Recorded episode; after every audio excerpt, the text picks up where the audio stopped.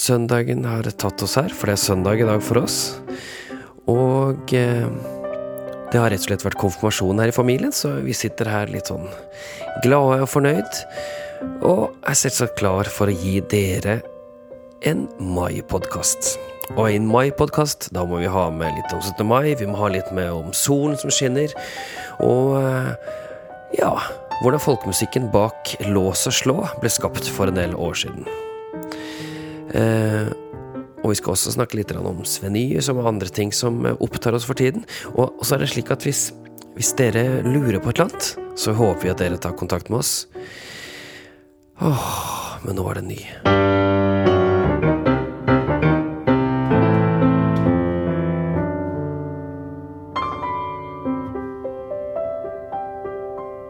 Episode. Og denne episoden i dag, den har vi kalt eh, Skilling og fest.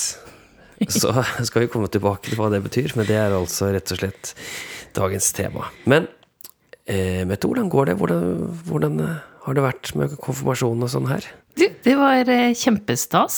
Eh, vi gikk løs på oppgaven som om det skulle være en produksjon i Kultivator. Og der er vi Dream Team. Jeg er innmari god på å lage planer, prosjektere.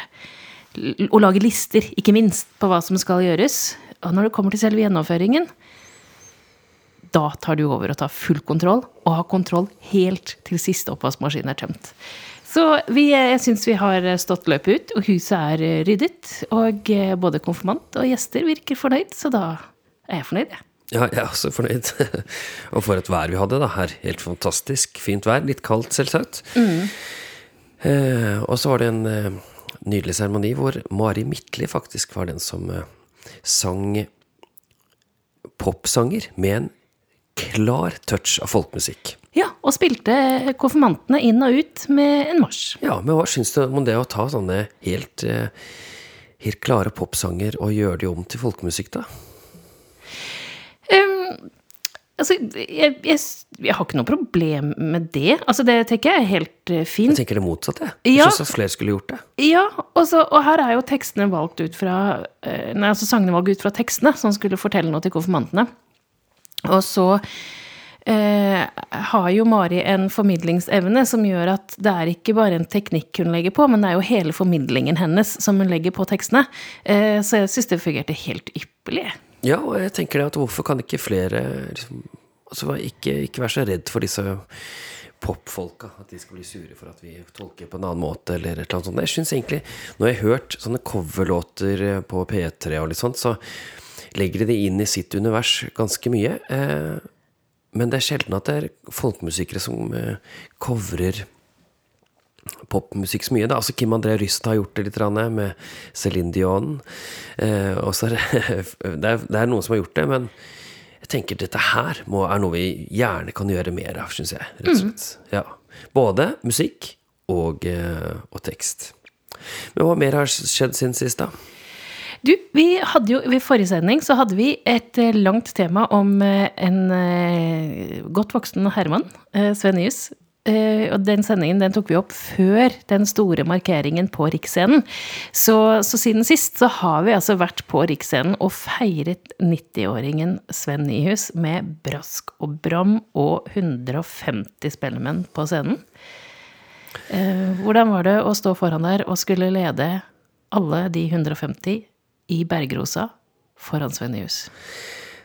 Eh, det var ikke noe problem. Altså Foran Svenius var ikke noe problem, for denne her låten kan jeg jo såpass godt. Og eh, det var helt supergøy å stå der og se på det smilet som var rundt min gamle læremester sitt, eh, sitt ansikt. For det var fra øre til øre, det, altså. Og så sto jeg der sammen med Åshild Breie Nyhus, da, som er dattera hans. Eh, så da var det en Østerøl, eh, Kari Pirspolska og Bergrosa som vi hadde da som, på konserten.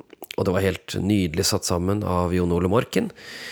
Og så var det masse forskjellige grupper som kom der og spilte til ære for Sven. Mange av Sven sine egne komposisjoner, men også eh, tradd-materiale. Mm. Så det var en Nei, jeg syns det var en helt fantastisk eh, kveld, og det var fullt stappa på Riksen. Og hvis det er slik at du har lyst til å se denne her, så gå inn på Riksen sin YouTube-kanal, og der finner du faktisk hele konserten gratis. Det er bare å titte på den. Jeg tror jeg har fått eh, ganske mange klikk allerede, så hvis du har lyst til å eh, se på den, så er du på en måte ikke den eneste som har gjort det. Nei. Og det var noen i publikum som, som sa det. Altså det er den derre drømmen om å få en folkemusikkens storstue i byen. Så er det klart at man kan jo ikke fylle Riksscenen på denne måten helg etter helg etter helg, for så stort publikum har vi ikke. Men det er så godt når det skjer, og når det sitter liksom Ja, salen er stappende full av alle aldre. Eh, definitivt. Og, og, scenen er stappende full. Altså, det kunne jo ikke vært eh, jeg tror, jeg tror, de sto i kø bak eh, backstage, så ja, mange som var med. Eh, og den følelsen, og ikke minst da etter to år hvor vi ikke har kunnet være tett i tett, og endelig liksom få den derre store følelsen av å være i en folkemusikkens storstue, det var bra. Ja. Og det var eh det virket som alle som kom dit, også hadde trivdes godt med å liksom spilte dans, mm. møtes Veldig sånn uformell stemning etter konserten. Og Sven, 90-åringen, han Eller han blir snart 90 år, da. Han, han var med hele kvelden, han nesten. Mm. Så det var helt, helt utrolig. Så jeg håper vi får se Sven i mange mange år fremover. Kanskje det blir 100-årfeiring om ti år. Og da skal jeg stå der og lede Bergrosa foran han. Ja. Men det har vel skjedd Har det skjedd noe annet da i livene våre?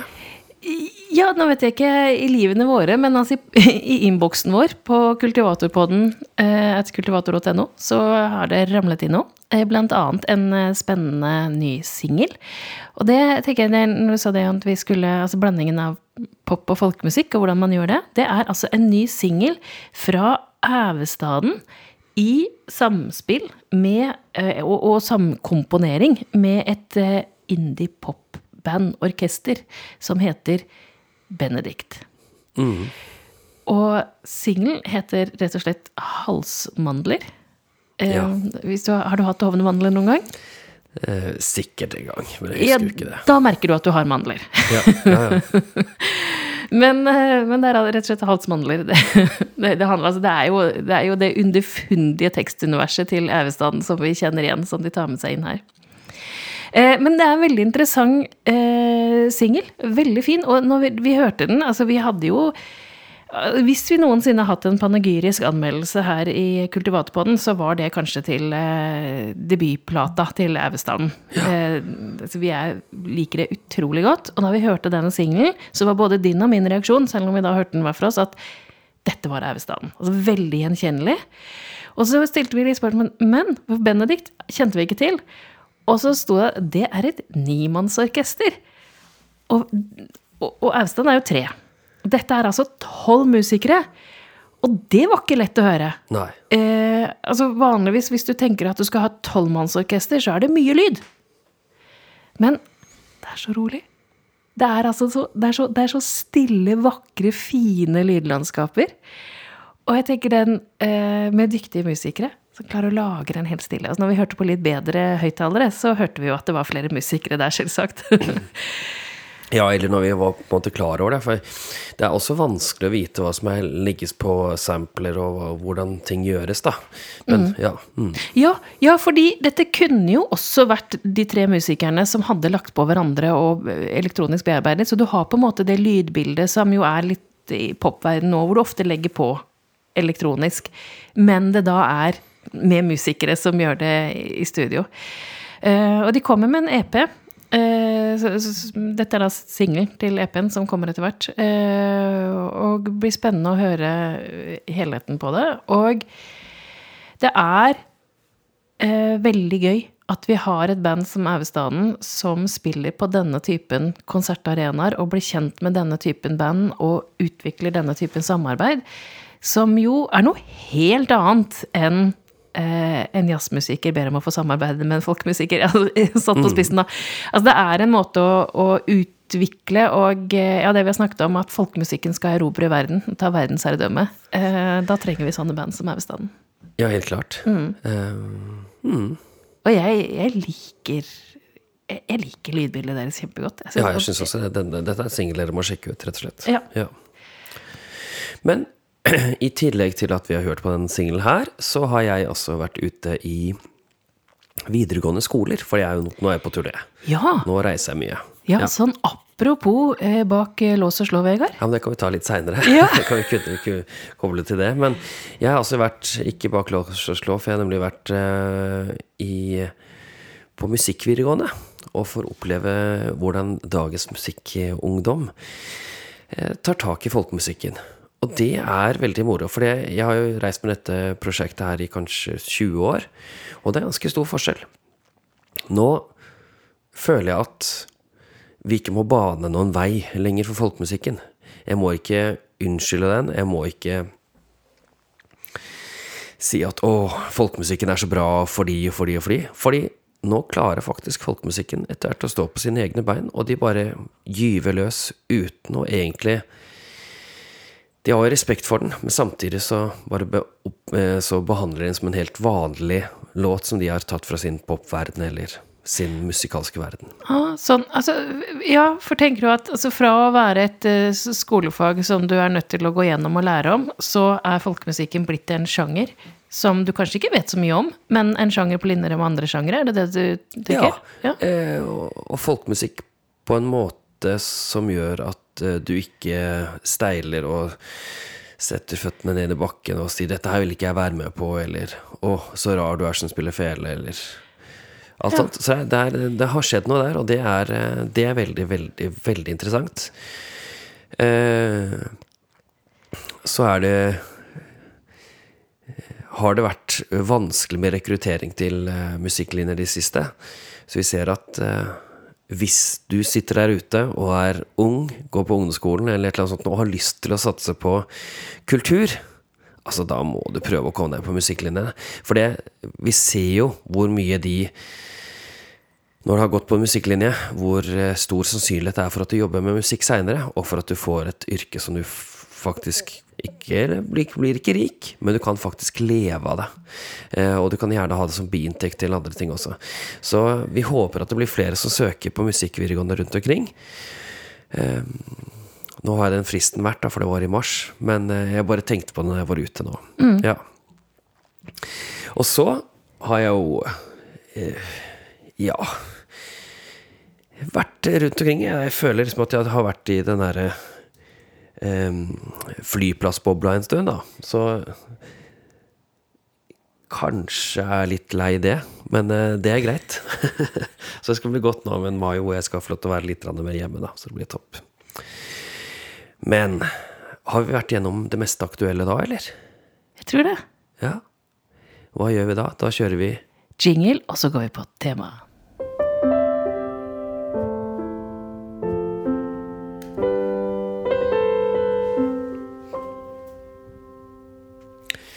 Syttende mai er jeg så glad i, morro vi har det fram Et eller annet sånt som morro, morgen til kveld, er det ikke det? Jo. Ja.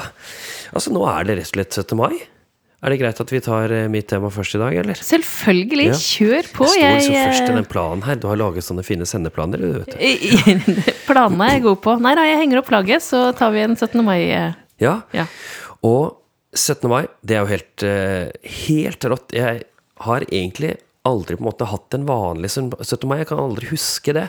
Fra jeg var bitte liten, så var jeg med min far og ja, og drev med 17. mai rundt omkring. Altså, vi spilte og vi gjorde sånt. Og på skolen så var det selvsagt noe spesielt.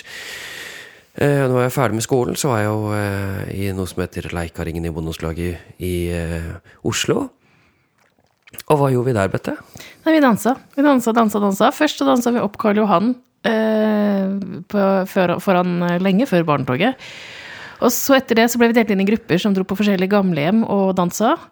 Og så, når vi hadde gjort det, så var det fest hvor vi dansa. Ja, da, nei, da kunne vi gjerne dra inn til sentrum, til, eh, til teatersalen, så kunne vi være litt der. Og etter det så kanskje vi traff noen eh, kompiser eller noe, og så var det brosteinsball. Ja, det kom jo etter hvert, ja. Ja, ikke sant? Ja. Ja. Mm.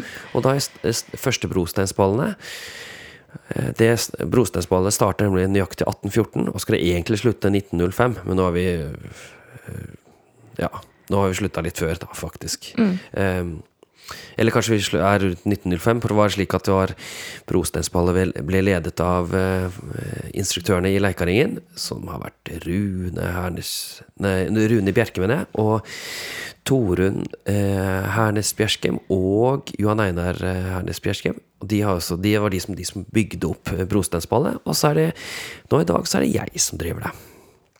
Men hva er brosteinsballet? Ta det først, da. Det er på Universitetsplassen, altså dans på brostein. Og det er åpent for alle i byen. Det er jo i samarbeid med 17. mai-komiteen i, eh, i, Oslo. Eh, og så, som sagt, leder Nei, starter i 1805, og så har det vel vært Nei, 1814. Ja, 1814, ja. Og så har det vært eh, pause i 1905, og så fortsetter man da fram til i dag. Altså det er sånn folkemusikkens, eh, folkedansens frihetsmarkering, eller, eller nasjonsmarkering. Eh, og det er ledet dans, og så har det vært litt quiz, og så, ja. Og så er det koret kommer her. Ja. Sanglaget Bull. Mm, eh, og så er det mulig Altså det er jo Du leder jo dans sånn at hvem som helst kan kaste seg inn og være med på dansen. Eh, og ikke er det godt å danse på brostein, og ikke er det lett, men eh, det blir en kjempefolkefest, og det er jo enorme mengder folk som har eh, Ja, så kommer dit, ja. Som, det er kjempegøy. Og, og kaster seg med. Ja. ja. Så det er helt, helt supermoro, rett og slett. Så det, det, gleder jeg meg til. Det blir en stor og i dag og i år så har jeg fått med Olav Christer Åsebø, eller også kalt Laffen, og Åsmund Reistad. De kommer dit, og så er de med meg og spiller. Så det blir helt kanon. Men før det, tidligere på dagen, så er det altså Danser vi oss opp Karl Johan, og det gjør vi ganske tidlig. Før barnetoget. Men det er mange som allerede har stilt seg opp og ser på oss. Og vi er alltid litt sånn i konflikt med politikorpset og litt sånn. Så, så hvem som skal komme først, og hvordan vi gjør alt det der. Men da har vi har Solveig Brekke Hauknes, og jeg skal få lov til å lede det med noen eh, spellfolk på en hest, hestevogn. Så kjører vi oppover, og så danser vi. Ja, det, er, det, er, veldig trivelig. Og, og det er det, derfor vi tar opp dette her i dag. Altså, hva har folkemusikk og folkedans med 17. mai å gjøre i det hele tatt, egentlig? Og nå spør jeg ikke min kone Mette Vårdal, nå spør jeg historikeren. Eh, har faktisk uh, du har faktisk doktorgrad ja. i historie. Det, det har jeg. Ja, og da lurer jeg på hva kan du si oss om betydningen av folkemusikk og folkedans på 17. mai?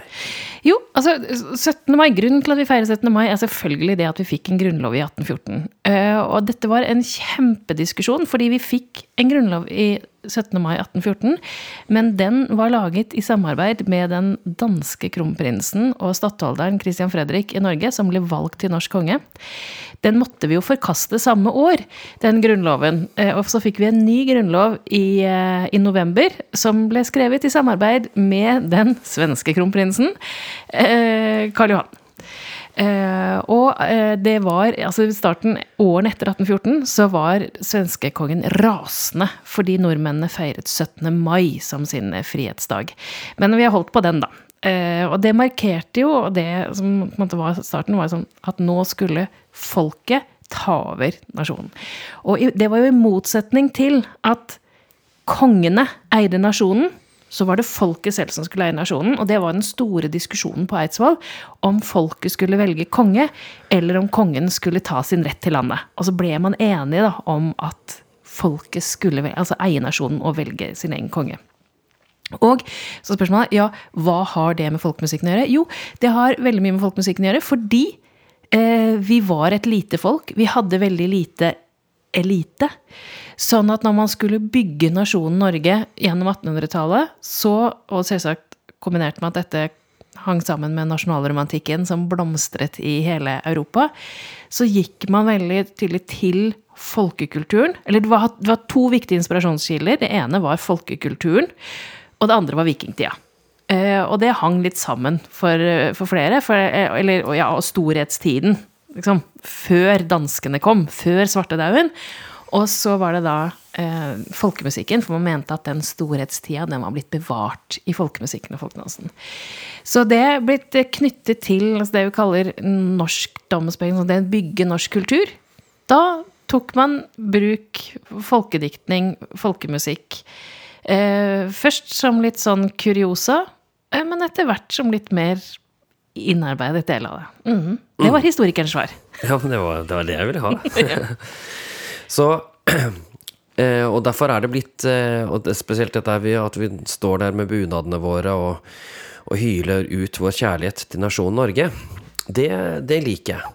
Eh, og jeg liker også at man eh, gjør det uten en form for nedrakking på andre nasjoner. Men det er bare det at vi i Norge, vi er glad i Norge, vi også. Og det går an å si uten at vi dermed sier at det ikke er plass til andre nasjoner i Norge. ikke sant? Ja, og det, det er jo noen Det må sies, det foregår enkelte som er ute og er kulturkrigere, også på 17. mai. Og de har jo misforstått litt, da. Altså, for det er jo nettopp det er det er folkets rett til å eie nasjonen sin som er frihetskampen. Eh, det å få lov til å være med å bestemme, og ikke ha en konge eller fyrste som bestemmer over deg. Og eh, og den kampen den foregikk jo på 1800-tallet i alle vestlige land. Og det var en enorm solidaritet mellom folk. Og det så du også når den kampen utviklet seg til å bli arbeidernes kamp. Altså, ja at, at folk skulle virkelig være folket. Eh, så var det også veldig sånn internasjonal eh, fokus på det. Fordi det var retten til å være fri og være med å bestemme. Eh, og ikke nasjonens lukkede grenser. Nei, og det, og det, har jeg lyst til at vi skal prøve å fortsette litt med i dag. At vi rett og slett tar inn det. Um, så uh, Jeg vet ikke helt hvordan vi skal uttrykke det i folkenes og folkemusikk, bortsett fra at vi skal selvsagt åpne for at andre kulturer kan også komme med sin musikk som de da kan være med på å feire Norge med. Ikke sant? Um, så så jeg er litt sånn usikker på hvordan jeg skal løse det på brosteinsball i år, for jeg lurer på om jeg kanskje skal gjøre noe litt nytt der. Um, men vi, får se litt hvordan vi løser det. Uh, det som jeg har tenkt, iallfall alle de årene jeg har vært med på 17. mai og vært med på å feire det, er at det både er inkluderende og ekskluderende. Uh, de sier at det er barnas dag på et vis, og det er det jo. For det meste så er det ganske greit med barna. Eh, men det er også mange som ikke føler seg helt velkommen i, i, den 17. mai-kulturen som vi har da. Og egentlig av og til oss også, vi to. Ja, altså som du sa, jeg har, jeg har aldri feira 17. Eller jeg, da jeg var barn, så hadde vi jo 17. mai hjemme og gikk i barnetog, og så kom vi hjem og spiste eget dosis, og så var egentlig vi slitne, og så var 17. mai over. Men, eh, men etter det så har det jo vært det har jo vært en arbeidsdag på mange måter, men en, en veldig spesiell arbeidsdag, da. Så jeg er fryktelig Og jeg aner ikke hvordan jeg skal feire 17. mai på en vanlig måte. Nei, Så du drar litt bort i år, gjør du ikke det? Jo. ja. Iallfall litt en, en deler av 17. mai. Så da, og det, det kan jeg egentlig forstå, at det er liksom mange som begynner å gjøre det. Men jeg håper at vi eh, klarer å eh, få en sånn helhetlig tenking på 17. mai også i bygdesamfunn, at de kan inkludere alle sammen i det. Ja, for det som jo er, og det som er det geniale med brosteinsballet, er jo at du kan komme bare én eller to og henge deg på. Altså det er en sånn inkluderende folkefest. Eh, men det jeg ofte syns er litt vanskelig, er at det egentlig er bare flere familier og grupper som fester ved siden av hverandre. Og hvis mm. du da kommer og ikke eh, hører til noen av de, så blir det litt sånn Å ja, men hvor, skal, hvor er jeg plassert i dette her? Og, eh, og det, altså, ja, den gode, gammeldagse folkefesten eh, skulle jeg ønske at vi fikk mer av, og som kunne erstatte litt den vi trekker oss tilbake og har selskap i med egen familie, eller ja. ja ikke sant? Private rom. Mm. Nei, så det blir, blir spennende. Og jeg har sett gjennom flere sånne 17. mai-låter og sånn, og det er eh, det er mye feststemt der. Og den første sangen, 17. mai, den er vi så glad i. Det er jo en pols fra Østerdalen, som da Margrethe Munthe har satt uh, tekst til for å feire det. Og det går igjen flere sånne mai-låter i, slotter, slåttenavn og sånt også. Men da er det for det meste ikke feiring av 17. mai, men feiring av våren. Ja, og det, jeg har også funnet frem en liten tekst her som Da jeg var i tenåra Dette var liksom en av mine favorittsanger, og vi sang denne på veien opp Slottsbakken, og den starter sånn Flaumen går, i Noreg er vår, bjørka spredt i dalom. Og det er jo så fint. Altså, jeg ser liksom den vårløysingen, og eh, bekkene er store, og bjørka blir grønn, og det er vår, og det er så glad. Og så oppdaget jeg etter hvert når jeg ble eldre, at dette er altså en av de drøyeste tekstene hvis du leser hele. Jeg kan lese litt på et, eh, et vers her som sjelden brukes opp Slottsparken, det må sies. Slottsparken. I Slottsparken, ja. Bykar stram, på gata går fram, trur han skal oss lære. Men inkje eg fær støkka deg, sjøl eg rår min veg. Bøndene er ikke lenger mjuke, husbondsretten han vil vi bruke. Retten er vår, skulda er dår, og lyde Noregs kår. Altså, det er en Apropos jordbruksopprøret. Ja, men, men dette Ja, nesten. Dette er altså skrevet rundt 1905, og det var en, en beinhard kamp i eh, Norge, og den fikk sitt tydeligste uttrykk i Kristiania. Der eh, du eh, Ja, mellom et type danskvennlig, eh, tradisjonelt elitestyre og folkestyre. For på den tiden hadde jo bøndene begynt å ta akademisk utdanning. altså De hadde fått rettigheter, de hadde fått muligheter. De hadde hatt nesten hele 1800-tallet til å lære seg å være med i demokratiet. Og det var i ferd med å eksplodere på denne tiden. Og jeg møtte en gang en dame, det var riktignok noen år etter 1905, Uh, jeg, hadde... ja, jeg regner med at det var noen år etter 1905 at du møtte henne. jo, men hun var veldig gammel, så det Men jeg gikk i bunad, uh, og hun fortalte om da hun hadde gått i bunad på Karl Johan, og jeg tror faktisk dette var på 1920-tallet. Uh, hun var veldig gammel da jeg snakket med henne. og fortalte om da hun ble spytta på og kasta stein etter, fordi den maktkampen som var mellom de som ikke lenger ville bruke Altså de som ikke ville ha den folkelige makten opp, da. Og det er ikke mer enn 100 år siden, altså. Eh, og det, det, tenker jeg at det er Når du leser en del av de og synger en del av de sangene, sier du det er mye vakker vår- og feststemning. Og så tenker jeg at det ligger en del blodig alvor under det. Og det er jo en del sanger fra årene rundt 1940 og 45 også, som er ja. blitt vakre 17. mai-sanger. Og så ligger det et kjempealvor bak. Mm. Men det syns jeg er noe av det fine med, med, den dagen. At den er så 17. mai er så trivelig. Altså, det, det er barn og barnetog og, og is. og brus og alt pølser. og så er det allikevel et dypt, dypt, dypt alvor. Mm. Vi har jo en i familien vår som har bestemt seg for å slå sin isrekord fra i fjor. Da var det 17 is. Så ja. i år så skal det bli 18. Og vedkommende sa vel at uh, hun eh, for jeg lurte på hva som taktikken hennes var, og da sa hun at ikke spise så mye snickersis. Ja. Så da spurte vi hva det skal være. Jo, det skal være saftis. Det er det. Ja. Når det er kvantitet framfor kvalitet. Ja. Så hun starter tidlig og slutter seint. Ja. Så Nei, men eh, til alle der ute, ha en helt fantastisk 17. mai. Husk at 17. mai, det handler altså om solidaritet, syns jeg. Mm. Og det handler om å se alle. Det handler om å feire at vi har lov til å ha en nasjon som vi har. Og at vi har klart å beholde den i såpass god skikk og stand som vi har til i dag. Og så gjør det ingenting å søle litt ketsjup på bunaden. Overhodet ikke. Altså, budene skal jo brukes. Pølser og is og litt sjokoladeflekker og vaniljeflekker Altså, dette her går fint. Ull er robust materiale. Det tåler å skrubbes litt rent etterpå. Ja, det er en grunn til at vi har folkedrakten i ull.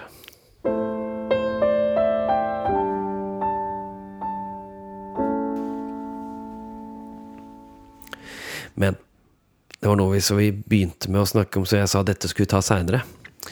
Og det tenkte jeg vi skulle si nå. For jeg har nemlig vært så heldig at jeg har fått lov til å være i fengsel, jeg. Ja. Hele to dager. Ikke for fyllekjøring eller øh, å ha slått ned kona eller et eller annet sånt. Nei, du var i fengsel uten lov og dom, for å si det sånn. Ja, faktisk. Jeg var på to høyrisikofengsel i Agder. Og det var en utrolig eh, fin opplevelse, faktisk. Eh, jeg hadde Gjennom Den kulturelle skolesekken så får vi også få lov til å besøke fengsel. Og da eh, er det et eh, tilbud til alle de som tar litt utdanning Altså prøver å fullføre skolen og sånn i fengsel. Og da kom jeg dit med bare felene mine. To feler, en vanlig felle og en hardingfelle.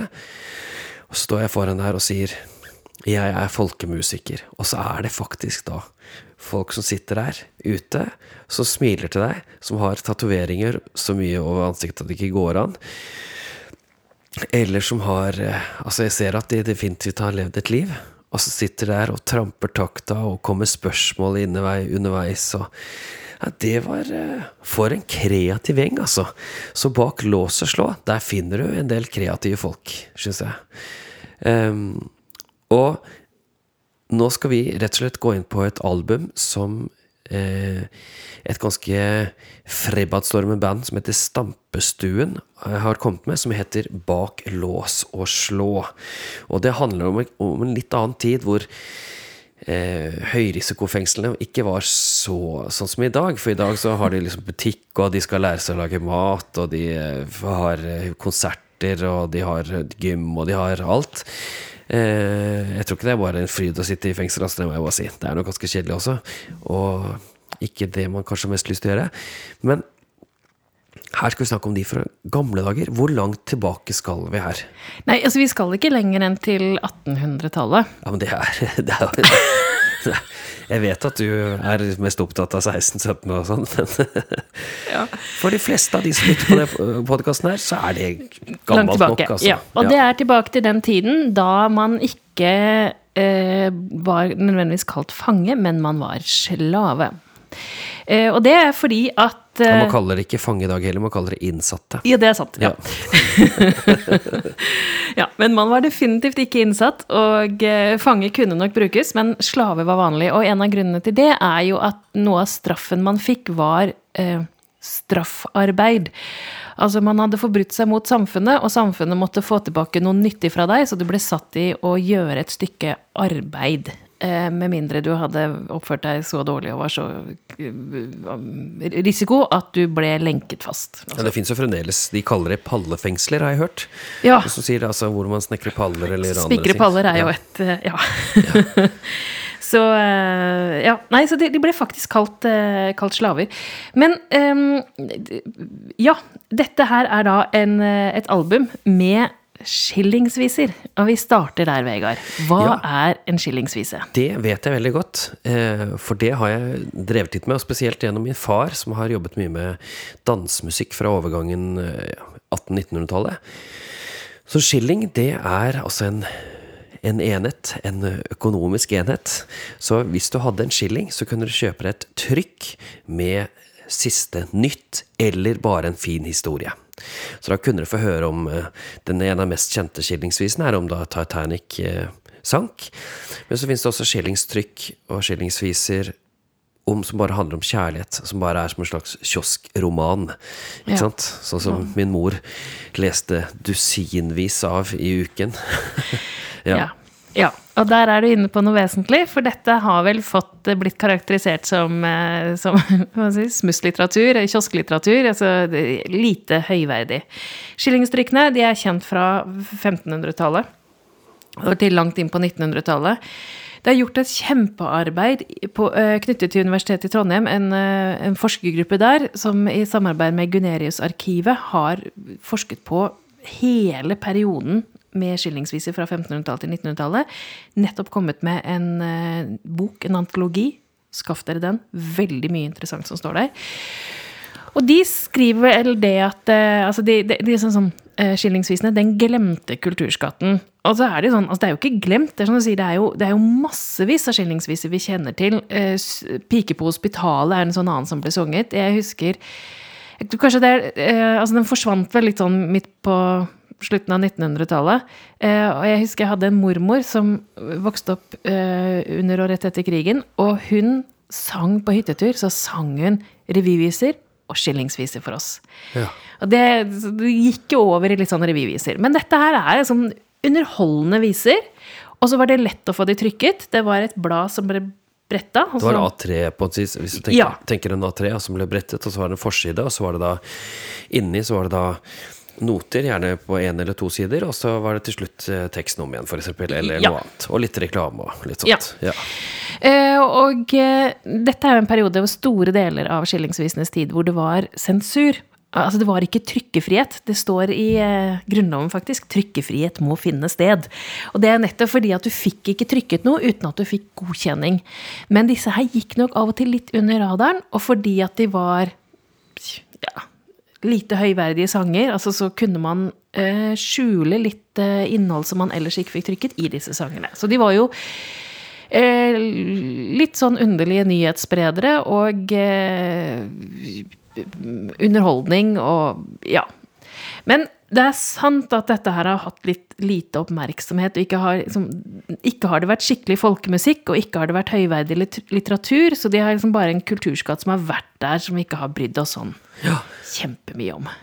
Ja, og det, og det merker vi også på en, de som har spilt, spilt låten også. Altså eh, rene musikalske Nei, eh, instrumentale versjoner av det også. At de måte egentlig ikke alle har tatt det så seriøst. Um, men hvis man hadde hvis man hadde i, hvert fall kanskje, og I dag så har vi nå kanskje Tampesund som gjort det litt mer seriøst, da. Men at det tatt litt mer seriøst, og laget mer musikk av det uten å gjøre narr av det, så hadde kanskje vi funnet noen flere skatter i denne, denne gjengen her.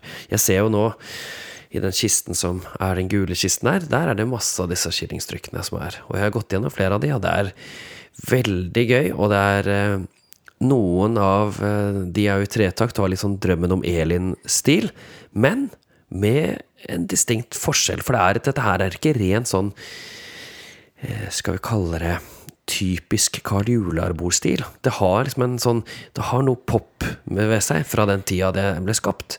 Og det gjør det interessant også som eh, for meg som musiker, da, å se på disse visene opp gjennom tidene. Ja, det er jo på en måte ikke helt folkemusikk, samtidig som Altså, hva annet er det? Det er jo populærmusikk som ble brukt av folket.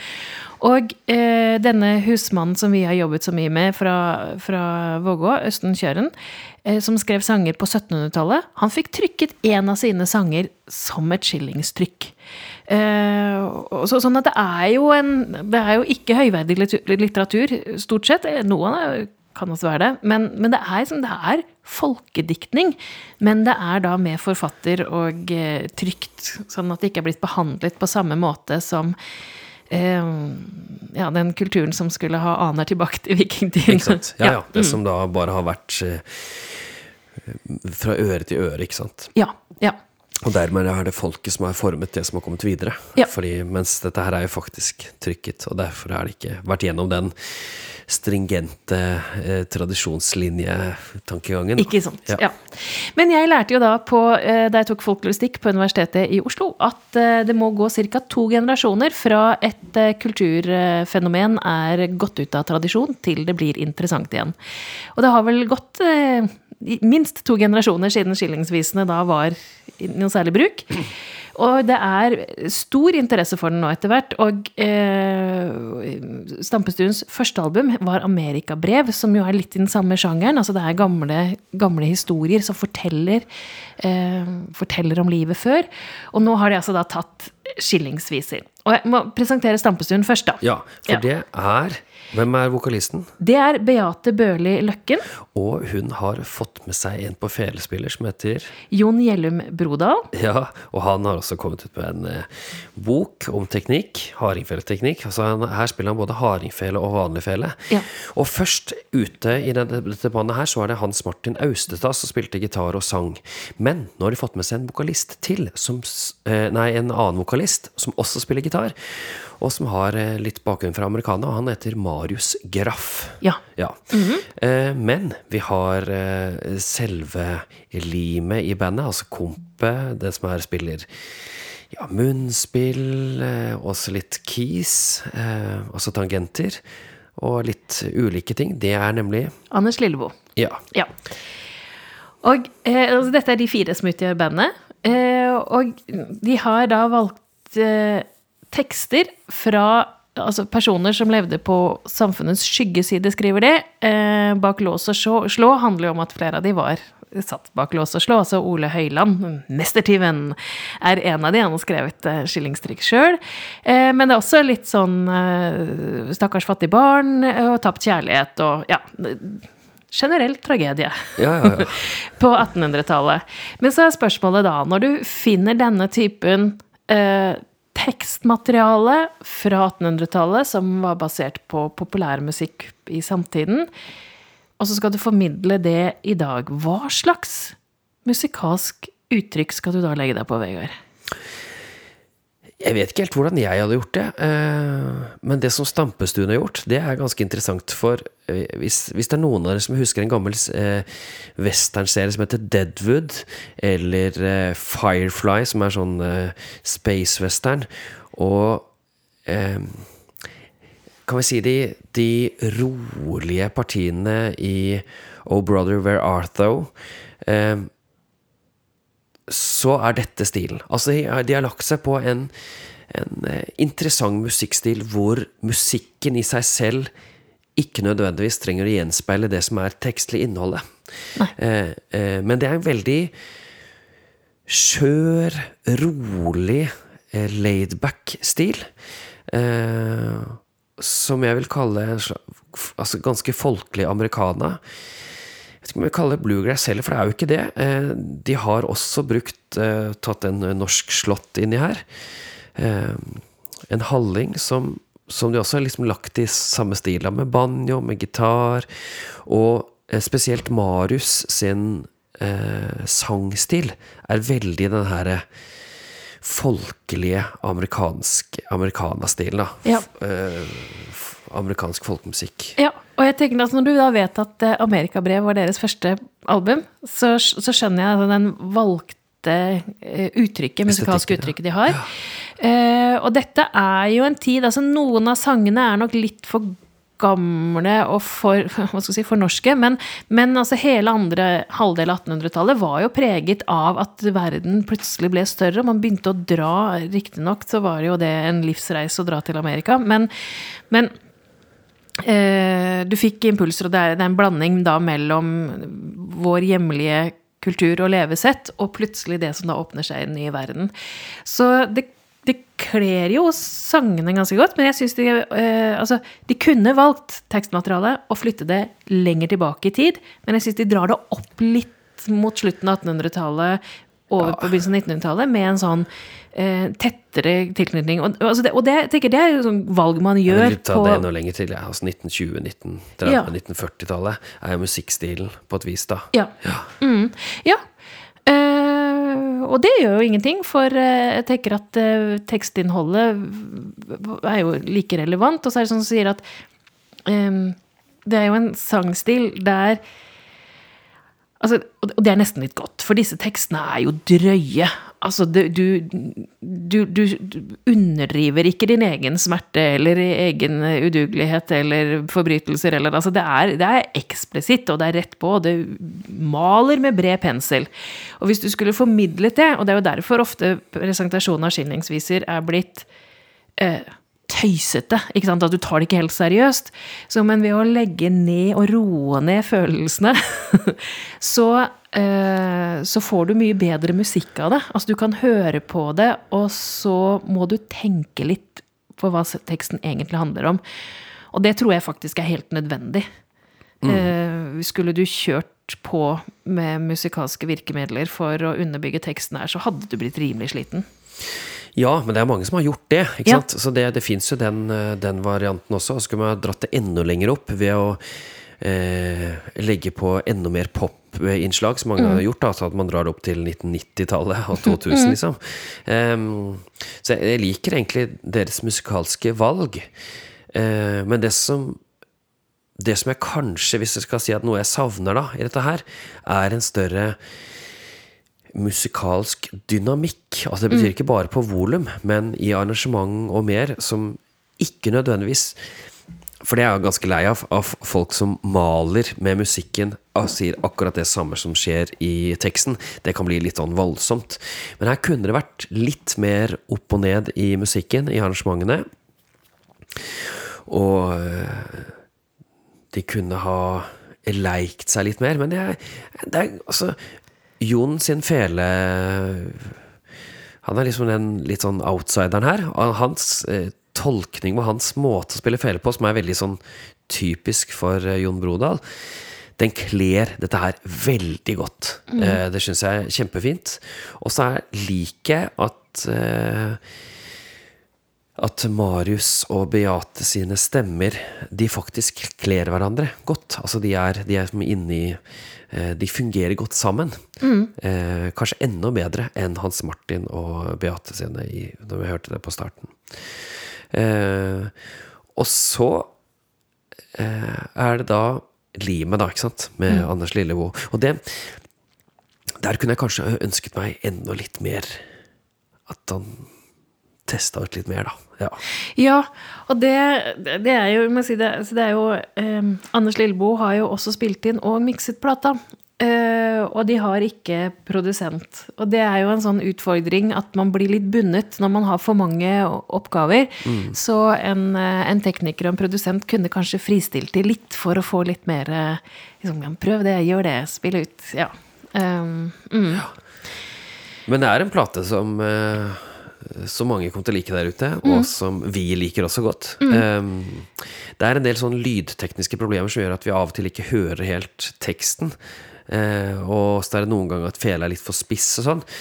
Men uh, det er ikke et generelt problem, men eh, det er liksom innimellom. Og, det, Ja. og når vi ikke får med oss teksten, så er det, veldig, er det greit å kunne kanskje ha et lite cover eh, på det. Ja. Ja, ja, for der står tekstene. Og jeg, så les de òg. Det, Ja, det er jo veldig gøy, men Ja. så liker jeg deres eh, blanding av eh, arrangementer som noen ganger er supertradisjonelle, og andre ganger eh, tar litt mer moderne akkorder i bruk, for å si det sånn. Da. Ja.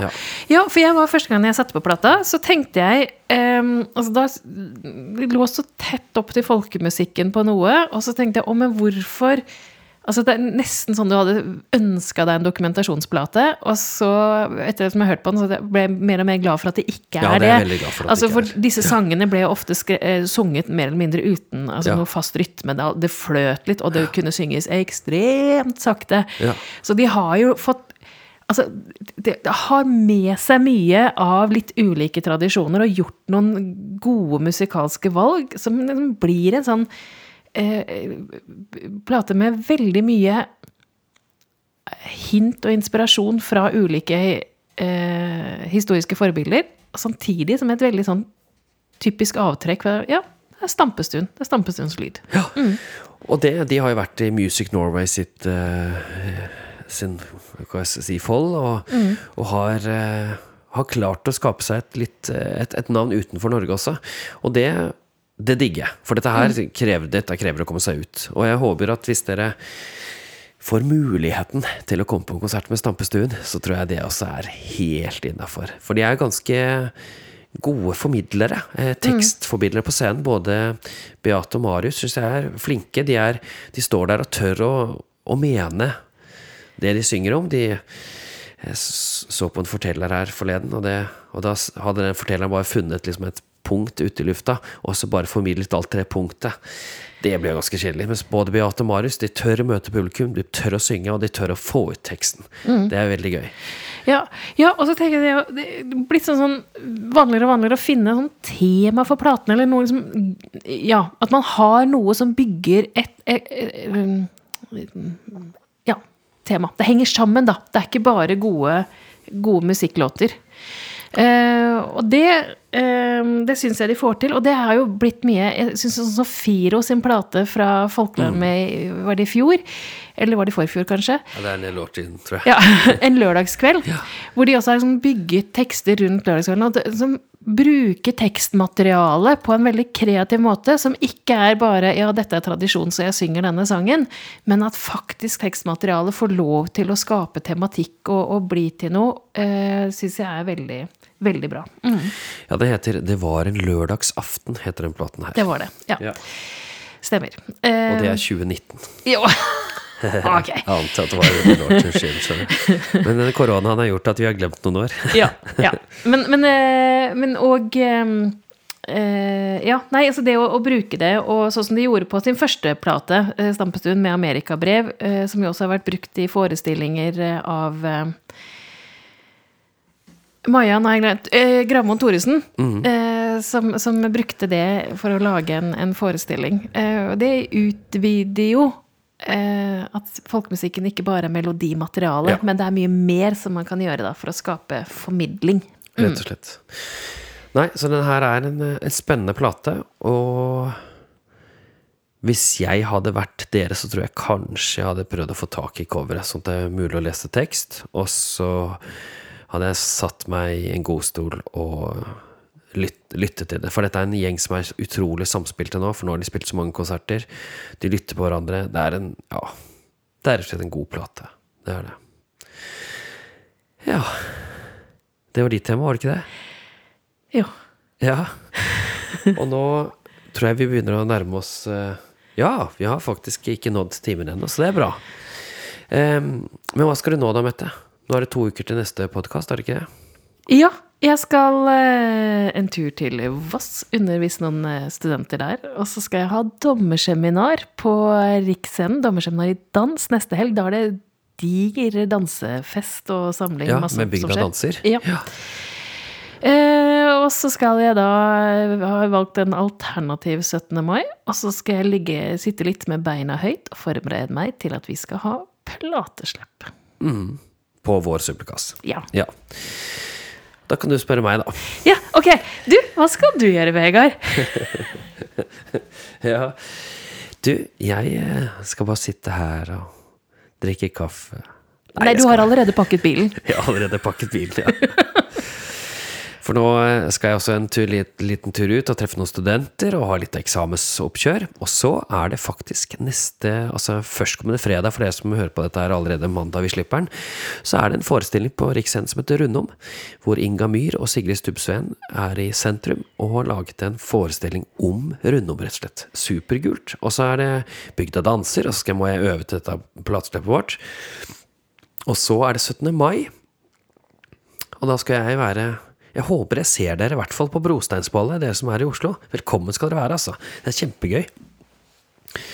Og så skal jeg hjem hit, og så skal jeg faktisk sitte med bena høyt litt. Hvis jeg ikke skal på Folkemusikkveka på Ål. Jeg teller litt på knappene. Ja, Det er uka etter, så du rekker å sitte med beina høyt. Først ha plateslipp, og så dra på Folkemusikkveka på Ål. Ja, sånn blir det faktisk, ja. ja. Ja, Jeg får se hva jeg gjør.